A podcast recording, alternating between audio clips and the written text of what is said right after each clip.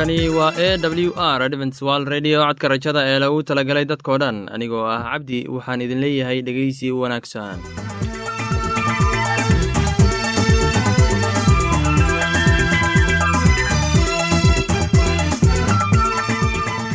Barnaamijyadeena maanta waa laba qaybood qaybta koowaad waxaad ku maqli doontaan barnaamijka caafimaadka kadib waxaa inoo raaci doonaa cashar inaga imid bugga nolosha. Barnaamijyadeena maanta si wanaagsan unu dhegeysan doontaan haddii aad qabto wax su'aal ama tala. Iyo tusaale fadlan inala soo xiriir dib ayaynu kaga sheegi doonaa ciwaankayagu balse intaynan u guudagalin barnaamijyadeena xiisaa leh waxaad marka hore ku soo dhowaataan. Heestan daabacsan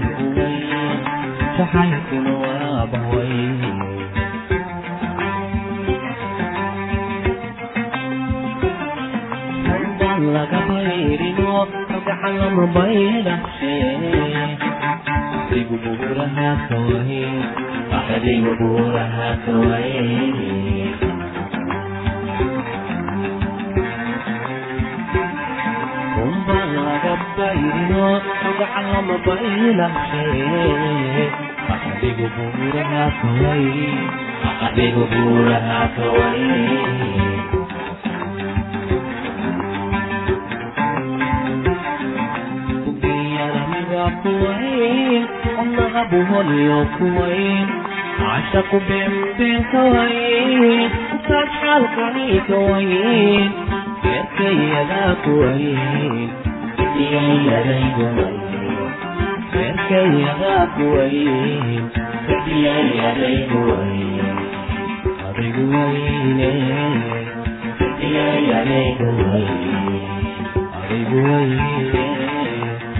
beerkayadaa kuwayn adigu wayne adigu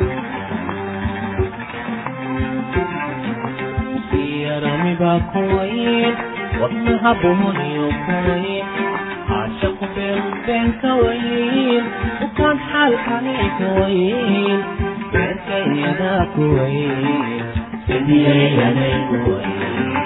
beerkayadaa kuwayn adigu wayne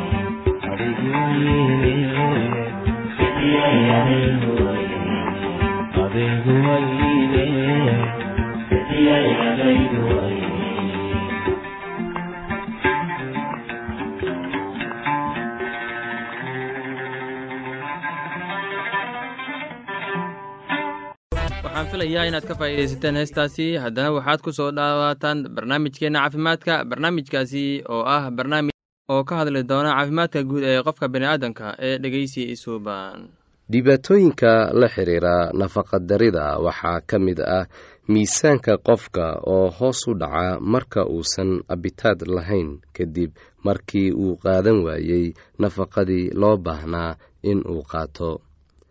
Taana waxaa looga gudbi karaa in qofka bukaa la siiyo dhowr jeer maalintii lagu dhiirigeliyo in uu qaato cunto yaryar oo hadba in yar la siiyo. Waxaa kaloo ka mid ah dhibaatooyinka la xiriira nafaqadirada aneemiyada oo ay ugu wacan tahay marka aan la siin qofka bukaa cunto aan lahayn feero ama birta ama qofka oo malaariya ku dhacda ama uu ku jiro gooryaan jilaabeed ama gooryaano kuwa oo burburiya unugyada cascas ee dhiigga kale taana way keeni kartaa dhibaatooyinka la xiriira nafaqadarida waxaa kale oo keena cudurrada maqaarka ku dhaca oo ay ugu wacan tahay faytamiinada oo ka maqan cuntada. Waxay kaloo keentaa qofka oo koriinkiisa yaraada oo caafimaad wanaagsan aan helin iyo daal oo ugu wacan qofka oo aan helin cunto ku filan ama cunto aan nafaqo lahayn. Waxaa kale oo iyana ka mid ah qofka bukaa oo qaad cuna isagoo ku dhafra ama geershaynta oo kale. Taa midda ugu daran ayay tahay waayo qaadku wuxuu qofka ka xiraa abiteydka wuxuuna u horseedaa qofka buka in uu waxyaabo kale uu sameeyo. Haddaba waa in laga waaniyaa in uusan wax muqaadaraad ah isticmaalin ama uusan dhafrin. Waayo wuxuu jidhkiisa u baahan yahay in uu nasto oo uu qaato raashin nafaqo wanaagsan leh. Waxaad mararka qaar arkaysaa qof buka oo haddana aan innaba u tarin naftiisa isagoo isticmaalaya muqaadaraad cunto dheef lehna aan cunin. Qofka qaba h i v aidiska waxaa laga yaabaa in ay dhibayso cunto cunidda ama uu u baahan yahay in la siiyo cunto kala duwan oo ka uu ka heli karo nafaqooyin. Haddii qofka bukaa uu shubmayo si cunto jilicsan cunto la tumay oo aan u baahnayn calalis si uu si fudud ugu luqo. Waa in aad siisaa maalintii shan jeer cunto yaryar oo marba in la siiyaa. Sidoo kale waa in la siiyaa qofka bukaa cabitaan fara badan si uu jirkiisa u helo dheecaankii ka baxay siba marka uu aad u shubmayo sida juuska oo kale. Maraqa shaaha iyo biyaha iyo biyo lagu qasay milix iyo sokor ayaa loo baahan yahay in la siiyo qofka shubmaya ee dheecaan baxaya. Haddii qofka ay labalaba ay hayso raalli naga ahaada waxaan ka wadnaa haddii qofka ay uu labalaboonayo waa in aad siisaa in yar oo cabitaan ah ama maraq ah adigoo hadba ka basiinaya. Sidoo kale waxaa loo baahan yahay in aad liinta dhanaan aad in yar siiso si ay uga joogsato labalabadii. Aroortii waxaad siin kartaa rooti qalalan ama buskad. Waxaad siisaa mar walba cunto dhadhan halka aad ka siin lahayd mid macaan si uusan u labalaboon. Waxaad ka ilaalisaa cuntada dufanka leh yuusan seexan isla marka uu wax cuno waxaa kale oo loo baahan yahay in xasharaadka laga ilaaliyo guriga siiba barambarada iyo duqsiga si uusan u labalaboon haddii uu afka yeesho barabaro waxaad siisaa qofka buka cunto jilicsan oo la tumay si biyo liin ah ama waxyaabo kale oo cabitaan ah ama wax dhandhanaan ha siin cuntada sokorta leh ama caanaha sokorta ay aadka ugu badan tahay. Haddii uu afka xanuun yeesho ha siin qofka bukaa waxyaabaha kulul sida bisbaaska ama shaaha kulul kana ilaali cuntada adag ee u baahan in aad loo calaaliyo. Ka ilaali cuntada aadka u kulul laakiin ku fiiri inuu cuni karo cunto qabow in afka uu dareenka uu ka tago iyo in kale. Ka taxadir ilkaha iyo afkaba. Haddii uu qofka uu wax cuni waayo u bandhig xaaladiisa caafimaad dhakhtarada ku shaqada leh lana kaasho iyaga sidii wax looga qaban lahaa xaaladiisa caafimaad iyo sidii uu abitayd u heli lahaa. Haddiise aad guriga ku haysato adigoo hadba wax ku tijaabinaya waxay taa sababi kartaa in uu ka sii daro oo uu gaaro heer aan waxba laga qaban karin xaaladiisa caafimaadka. Dhegeystayaasheenna qiimaha iyo qadarinta lahow waxaanu maanta intaa inoogu eeg barnaamijkii caafimaadka oo aan kaga hadlaynay nafaqaynta dadka qaba h i v iyo aidiska tan iyo kulintideenna dambe sidaa iyo nabadgelyo waxaan filayaa inaad ka faa'iidaysateen barnaamijkaasi. Haddaba haddii aad qabto wax su'aal ama talo iyo tusaale fadlan inala soo xiriir. Ciwaanka yagu waa codka rajada sanduuqa boosada afar laba laba todoba lix nairobi kenya. Mar labaad ciwaanka yagu waa codka rajada sanduuqa boosada afar laba laba todoba lix nairobi kenya. Imeilka yagu waa somali at a w r o r g. Mar labaad imeilka yagu waa somali at a w r o r g. Ama haddii aad inala soo xiriiri rabtaan barta emesonka ciwaanka yagu oo ah codka rajada at hotmail dot com. Mar labaad codka rajada at hotmail dot com. Ama barta internetka hoyga oo ah w w w dot codka rajada dot o r g waxaad ka akhrisan kartaan falasha meesha ku jiraan iyo wixii kaloo barnaamij oo aad u moodid in ay ku anfici karaan. Haddana waxaad ku soo dhowaataan heestan daabacsan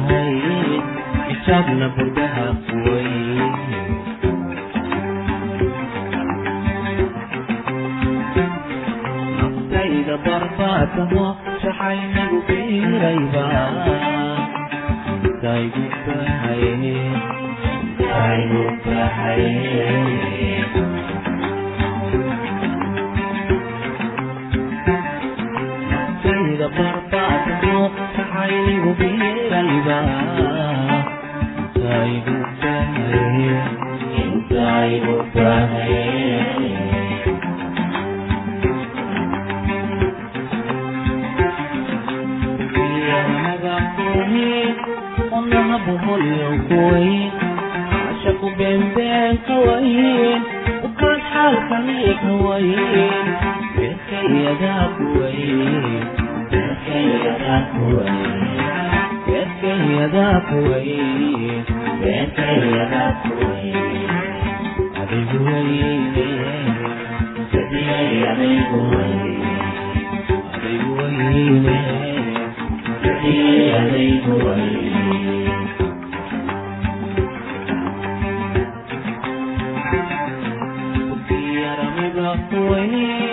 wadnacabo holyo kuweyn caashaqu beenbeenka weyn halkani ooyin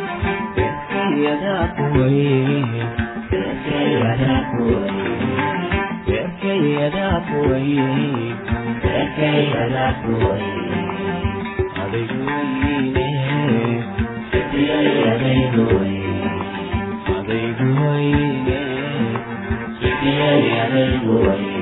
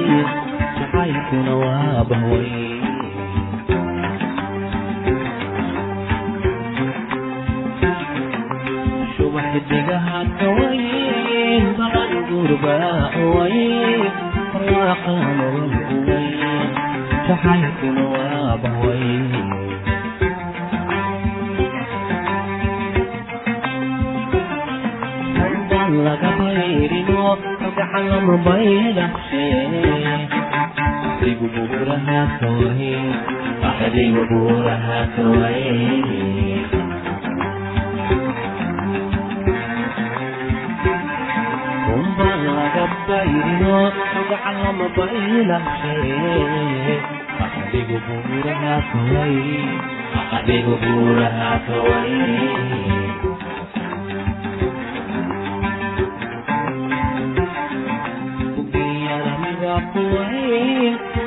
buholiyo kuwayn cashaqu beenbeenka wayn saad xaalkaniika wayn beerkayadaa kuwayn idiyayadaygu wayn yaa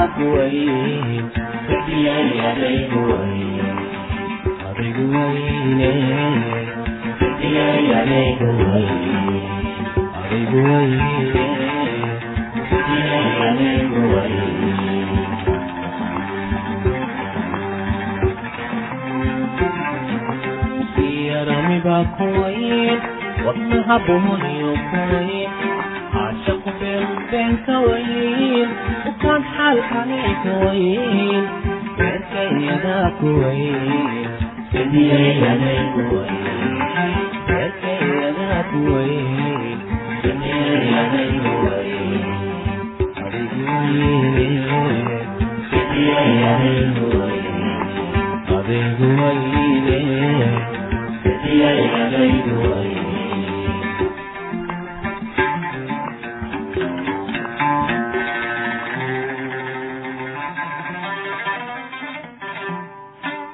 waxaan filayaa inaad ka faa'iidaysateen heestaasi. Haddana waxaad ku soo dhowaataan barnaamijkeenna kitaabka quduuska. Barnaamijkaasi waa barnaamij ee ku saabsan ereyada xikmada badan oo aan ka soo xulanay kitaabka quduuska ee dhegeysi wanaagsan. Walaalayaal maantana waxaynu ka hadli doonnaa qisadii nebi nuux.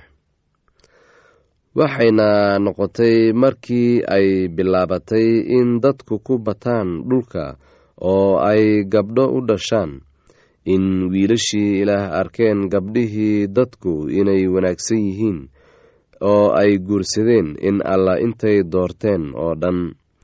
Rabbiguna wuxuu yidhi ruuxayga lama sii dagaalami doono dadka weligiis. Maxaa yeelay isagu waa jidh laakiinse cimrigiisu wuxuu noqon doonaa boqol iyo labaatan sannadood. Waagaas waxaa dhulka joogay dad waaweyn oo xoog badan taas kadibna kolkii wiilashii ilaah u yimaadeen gabdhihii dadka oo ay carruur u dhaleen isla kuwaas waxay ahaayeen nimankii xoogga badnaa oo waagii hore ahaa raggii caanka ahaa.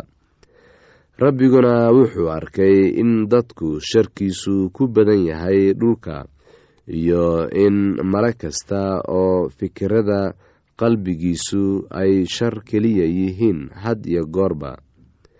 Rabbiguna wuxuu ka qoomameeyey samayntii uu dadka ku sameeyey dhulka wuuna calool xumaaday.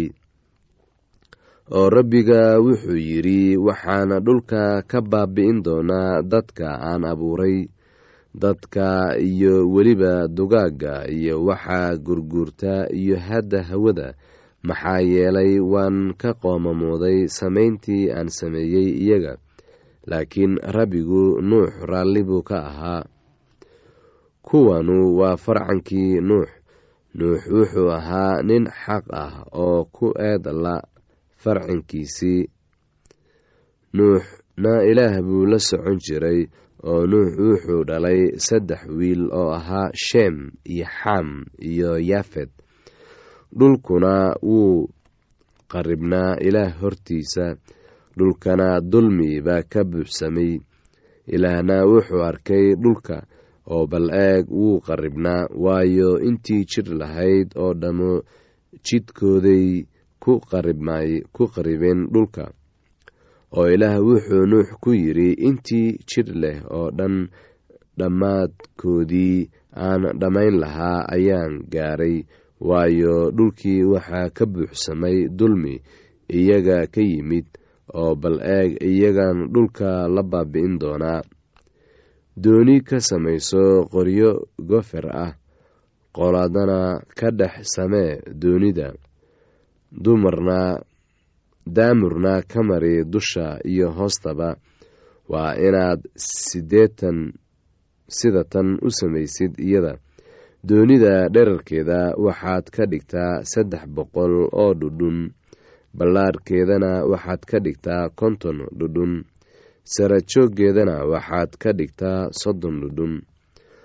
Waa inaad dariishadna u samaysid doonida oo waxaad ku dhammaysaa in dhudhun ah ilaa xaggeeda sare. Albaabka doonidana dhinaca ka samee dabaqad hoose iyo tu labaad iyo tu saddexaadna u samee iyada. Oo bal eeg anigu daad biyo ah baan ku soo dayn dhulka inaan baabi'iyo inta jidhka leh oo dhan oo neefta nolosha ku jirto. Inta samada ka hoosaysa wax kasta oo dhulka joogaaba way dhiman doonaan laakiin axdigayga adigan kula dhigan doonaa oo doonidan soo geli doontaan. Adiga iyo wiilashaada iyo naagtaada iyo naagaha wiilashaada ee kula jiraba. Oo wax kasta oo nool oo jir leh waa inaad cayn walba laba ka soo gelisaa doonida si ay kuula sii noolaadaan. Waana inay ahaadaan lab iyo dhadig haadda caynkooda iyo xoolaha caynkooda iyo wax kasta oo dhulka gurguurta caynkooda cayn walba laba ka mid ahi ha kuu soo galeen si ay u sii noolaadaan. Cuntada la cuno oo dhanna qaado oo kulligeed ururso oo waxay idiin noqon doontaa cunto adiga iyo iyagaba.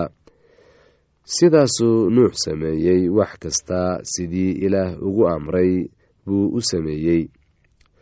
Oo rabbigu wuxuu nuux ku yidhi adiga iyo dadka gurigaagaba soo gala doonida waayo waxaan arkay adigoo qarnigan xaq ku ah hortayda xoolaha daahirka ah toddoba iyo toddoba ka qaad ku lab iyo dhedigiis xoolaha aan daahirka ahaynna laba ka qaad ku lab ah iyo dhedigiis haadda hawadana toddoba iyo toddoba ka qaad lab iyo dhedig si farcan ugu sii noolaado dhulka dushiisa oo dhan.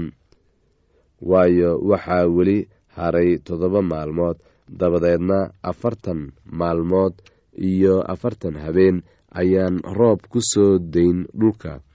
Oo wax kasta oo nool oo aan sameeyey waan ka baaba-in doonaa dhulka dushiisa.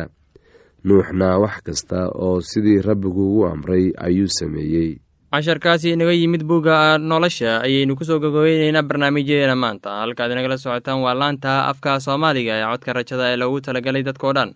Haddaba haddii aad doonayso inaad wax ka faa'iidaysataan barnaamijka caafimaadka barnaamijka nolosha qoyska ama aad doonayso inaad wax ka warataan bugga nolosha fadlan inala soo xiriir ciwaanka yagu waa codka rajada sanduuqa boosada afar laba laba todoba lix nairobi kenya. Mar labaad ciwaanka yagu waa codka rajada sanduuqa boosada afar laba laba todoba lix nairobi kenya. Emeilka yagu waa somali at a w r o r j mar labaad emeilka yagu waa somali at a w r o r j haddii aad doonayso inaad inagala sheekaysataan barta emesonka ciwaanka yagu oo ah codka rajada oo hal eray ah codka rajada at hotmail com ama barta hoyga internetka ciwaanka yagu oo ah www codka rajada o r g dhegeystayaasheena qiimaha iyo qadarinta mudanow barnaamijyadeena maanta waa naga intaas. Tan iyo intaynu hawada dib ugu kulmayno waxaan idin leeyahay sidaas iyo nabadgelyo